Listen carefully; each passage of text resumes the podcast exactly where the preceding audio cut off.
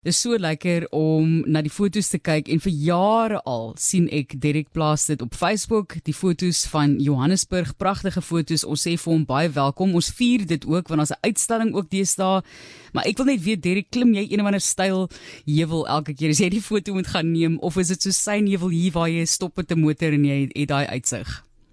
Ek wens ek het so 'n hele klomp jaar gelede het ek 'n huis gekoop En die plek was bietjie vervalle en toe ek so om die hoek kom, toe lê die hele Johannesburg voor my. Sjoe. En ek het gevra waar moet ek teken? Ek het hom gekoop, reggemaak, ek's nog steeds besig.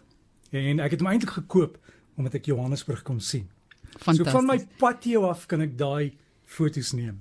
Mense kan gaan kyk op die webblad ook, daar is voorbeelde van die fotos. Dis dit is baie moeilik om te kies wat 'n mens moet deurstuur want dit is nogal 'n indrukwekkende portefeulje, wil ek eintlik sê.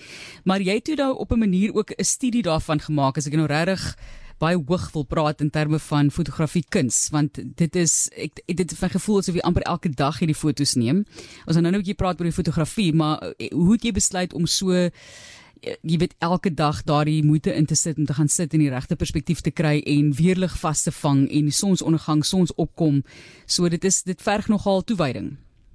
Baie toewyding, maar ook jy leer om te kyk op die tabelle wanneer kom die maan op, waar kom hy op, hoe laat kom die son op, waar kom hy op? Want ons seisoene, die son skuif ongelooflik op een plek hier van waar ek is, kom hy regs van die toring op En wanneer dit winter is, gaan hy so ver links van die toring af dat jy hom nie kan sien opkom nie. Dieselfde met die maan, net op sekere uh volmaane sal hy reg agter die toring opkom.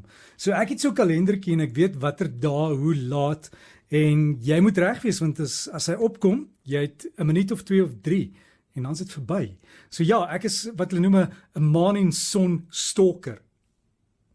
So kom ons gaan bietjie terug en ons kyk na wanneer jy begin het met fotografie want jy dit is nie sommer net 'n foto nie. 'n Selfoon kan nie daai tipe van perspektief en warmte gee wat jy probeer skep nie. So gee vir ons 'n idee van die fotografie direk wanneer dit begin. Ek was maar nog altyd nuuskierig oor fotografie. Ek onthou my pa het so 'n ou bokskamera gehad en oral waar ons gegaan het, het ons fotos geneem. En daai ou negatiewe is nou vir my goud werd want jy kan hulle skandeer en baie groot druk. En ek het ook op RSG so klomp jaar gelede het ek 'n fotografie rubriek gehad met Emil Wessels. En ek het vir hom gevra, weet jy, jy's 'n professionele fotograaf, kom sê vir ons hoe om foto's te neem. En hy het vir baie lank gedoen. En ons het baie mense geïnspireer om foto's te kan neem. Ek self het verskriklik baie by hom geleer, maar ek het ook besef dat jy moet self die kamera vat en gaan foto's neem. Dit help nie jy ken al die tegniese goed nie. En die eerste ding wat ek geleer het was om van daai outomatiese stelling van die kamera af te klim en te leer om al my knoppies self te stel. Jy weet soos om jou motor te ry in die donker, jy moet dit so kan doen. Ja, dis indrukwekkend daai. Ek het op stadium ook so 'n bietjie gespeel met die kamera, maar vir een of ander rede is dit nie op uh, die auto outomatiese stelling was nie het die foto altyd bietjie geblur. Ek weet nie hoe wat ek altyd verkeerd gedoen het. Ek kan nie dink dit my sig so pateties is dat ek nie kan sien iets is, is iets is nie reg nie. Maar Derek, jy's 'n besige persoon ook. Waar kry jy die tyd om dit te doen? Ons het al gepraat oor daai toewyding. Waar kry jy die tyd om met en ek ek weet nie of mense dit 'n stokperdjie moet noem en of dit 'n 'n passie is vir jou nie. Ek dink stokperdjie breek maak bietjie afbreek baie keer vir my van mense wat regtig spesialiseer in 'n passie. Ja, ek dink jy slaan die spyker op die kop daar. Dit is 'n 'n voltydse passie stokperdjie, 'n baie duur stokperdjie want toerusting het ongelooflik duur geraak. Maar ek het ook in die proses geleer om komposisies te doen. Jy weet, uh, ons het ons het daai, hulle noem dit die die die die blokkies waarin jy jou bladsy kan deel met met lyntjies 1 2 3 4 5 6 7 8 9 en jy moet die 2/3 van dit gebruik in jou fokuspunt moet op 'n sekere deel wees nooit in die middel nie. Maar dit dit leer jy uit ondervinding en wanneer 'n uh, fotograaf vir jou terugvoer gee en sê moenie die toring wat jy in Johannesburg afneem reg in die middel sit nie, skuif hom links of regs, dan kry jy bietjie meer van 'n kunsperspektief. En so oefen jy en jy leer. En dan moet jy leer van beligting want as die son in jou kamera se lens inskyn, kan jy omtrent niks sien nie. So hoe oorkom jy dit sonder om jy weet allerhande die lantuintjies te gebruik en filters en goed. So ek probeer natuurlike fotos neem, maar die komposisie is verskriklik belangrik. Ek sit nou en kyk ook na baie van die fotos en ons het gepraat oor die verskillende tye van die dag en weeromstandighede wat jy probeer vasvang en tye van die jaar byvoorbeeld, maar dis maar interessant hoe Johannesburg verander. Mm. Dit lyk nie nie 'n enkele foto het vir my nog ooit gelyk asof jy dieselfde plek afgeneem het nie. Ek het jare gelede toe ek Johannesburg begin begin afneem het gesien dat die dames vol baie moods en ek het op my rekenaar al die fotos van Johannesburg gemerk as moods of Joburg. En dis wat ons ook die uitstalling noem wat op die oomblik hang. Ehm um, dis die die baie the moods of Johannesburg. En ek sê Johannesburg self, die stad, is die akteur of die aktrise. En dan kom die kleredrag by en die styl. En dit is die natuur, die kleure, soms blom die jacaranda, soms is daar weerlig. So Johannesburg bly dieselfde, maar al die kleure en kleure verander heeltyd en dis wat die foto so interessant maak.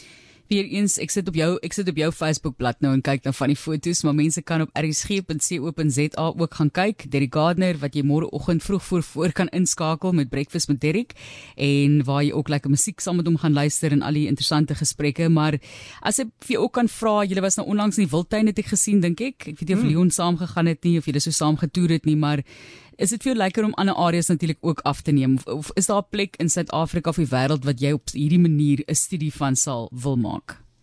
Ek dink enige stad roep daartoe, maar jy moet daar woon om al die baie van die stad en die lig en die seisoene te ervaar. So ek ken Johannesburg nou al, maar ek's nog lank nie klaar nie. Ek weet sy maak nog steeds baie mooi vertonings in die oggend, maar ek sal daarvan hou om plekke soos New York, selfs Kaapstad te doen. Jy moet die regte ligging kry en dan kan jy begin werk. Maar ja, ek was nou onlangs in die Wildtuin gewees en het die ongelooflikste tyd gehad, alles gesien en ek het een oggend het ek vroeg uitgery en ek weet net so buitekant Skukuza is daar 'n klomp hyenas wat vroeg uitkom en as jy daar is kan jy hulle sien loop. Ek het wilde honde gekry en ek het op een plek so naby 'n bult gekom en hier kom twee hele trop leeu's aangestap en ek het op daai teerpad gestop en ek en die leeu's was daar vir 15 minute. Sure. Alleen, daar was geen ander motor nie. En ek kon my motor later draai, die kamera by die venster laat uithang en ek het die mooiste foto's geneem van hierdie leeu's asof hulle modelle was wat betaal is om te kom poseer, jy weet. So ek was so dankbaar, maar jy weet ons ons vergeet hoe mooi is Suid-Afrika en ek probeer daai oomblikke vasvang want enigiemand kan 'n foto neem, 'n kiekie. Maar jy moet daai diepte kry. Jy moet wag tot die leeu op die regte plek is. Ja. voor jy die foto kan neem. En ek is ook mal daaroor om met my my groot zoom lens in te fokus en sê net maar die leeu net die gesig af te neem. Want as hulle stap hulle hierdie uitdrukking, jy weet en ek probeer dit vasvang. Laasens net goed, dis 'n moeilike vraag, maar jou gunsteling tyd van die jaar, tyd van die dag en weeromstandighede in Johannesburg, hoe sal jy dit um, beskryf vir ons? Martelies, dis 'n heel onregverdige vraag. Weet jy, ek ek is mal oor as Johannesburg weerlig het, maar weerlig is baie moeilik om af te neem want waar ek woon tot waar die toring is, is daar vallei en dis so 12 km. So ek moet wag dat die wolke en die storm agter die toring is weg van my, want as dit tussen ons twee is, kan jy die toring omtrent nie sien nie. So ek moet wag vir 'n storm wat letterlik onbeweeg of oorbeweeg en dan agter die toring gaan weerlig maak en dan kan ek dit afneem. En saam met die die weerlig en die storms kom natuurlik die reënboog. Ek is mal vir die reënboog, maar die son moet saamspeel en dit gebeur gewoonlik in die middag, so 4 uur, daai staatsdiensreën wat hulle in Johannesburg gekry. En as jy gelukkig is, kan jy reënboog sien. Pragtig. Ek sien dit so in my geestesoog ook en jy kan gaan kyk op ons webblad soos ek gesê het Derek Gardner wat met ons gesels het oor sy fotografie en daar is ook 'n uitstalling. Mense kan seker vir jou kontak ook as hulle meer wil weet, né? Hulle kan by jou hoor. Ja, hulle kan maar net vir my e-pos db@rsg.co.za en dan kan ek hulle in kontak sit of sê waar om te gaan loer. Maar ek het my Facebook bladsy Derek Gardner. Hulle kan maar net daar gaan loer as hulle nuuskierig is. Ek het gedink brink by RSG. Dis ook ek het brink gemaak het en nie Martelies nie. Is die maklikste RSG. e-posadres maar D by RSG dink ek van die koek. Baie dankie Derek vir die gesels. Geniet môreoggend se program. Baie dankie Martlies. Dit is net hier op 100 tot 104 FM Derek Gardner wat met ons gesels het oor sy fotografie. Dis regtig pragtig.